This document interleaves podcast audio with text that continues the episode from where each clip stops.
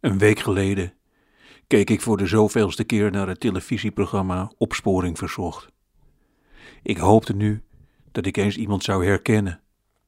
Zolang het programma bestaat, heb ik nog nooit een kenmerkend windjack, een fiets met een opvallend zadel of een man met een bijzondere tatoeage herkend. Het moet de ultieme opsporing verzocht ervaring zijn. Luisteren naar de voice-over. U ziet hier de enigszins gezette man in het hols van de nacht zijn auto volladen met wipkippen. Hier schroeft hij een wipkip los, in dit geval een eend met een heel raar hoedje op. En hier, we zetten het beeld even stil, ziet u de kenmerkende moedervlek in de hals van de verdachte. En dan kunnen zeggen, wat doet Leo van Ria nou naast die bestelauto? Maar nooit herkende ik iemand. Ik kreunde. Tanja keek op van haar tijdschrift. Weer niemand uit onze kennissenkring die een plofkraak heeft gepleegd. Ik vroeg aan haar: Als je mij nou zou moeten beschrijven, in opsporing verzocht, hoe zou je mij dan omschrijven?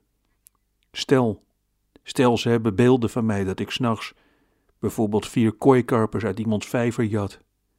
Of dat ik met leren handschoenen aan een Noorse boskat heb gestolen. Hoe zou jij mij dan omschrijven? Waarom stel jij alleen dieren? zei Tanja. Kan je niet vegetarisch stelen? Wat is het voor een vreemde neiging om midden in de nacht dier op je rug te binden met een touw? Hoe verkoop je die dan? Ze zien je aankomen met een zak vol kooikarpers. Ik zei: Kijk me eens aan.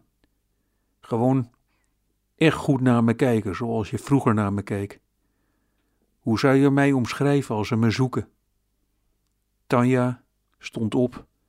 Ze ging voor me hangen en ze keek mij ongemakkelijk lang aan. Daarna ging ze weer zitten. En? vroeg ik.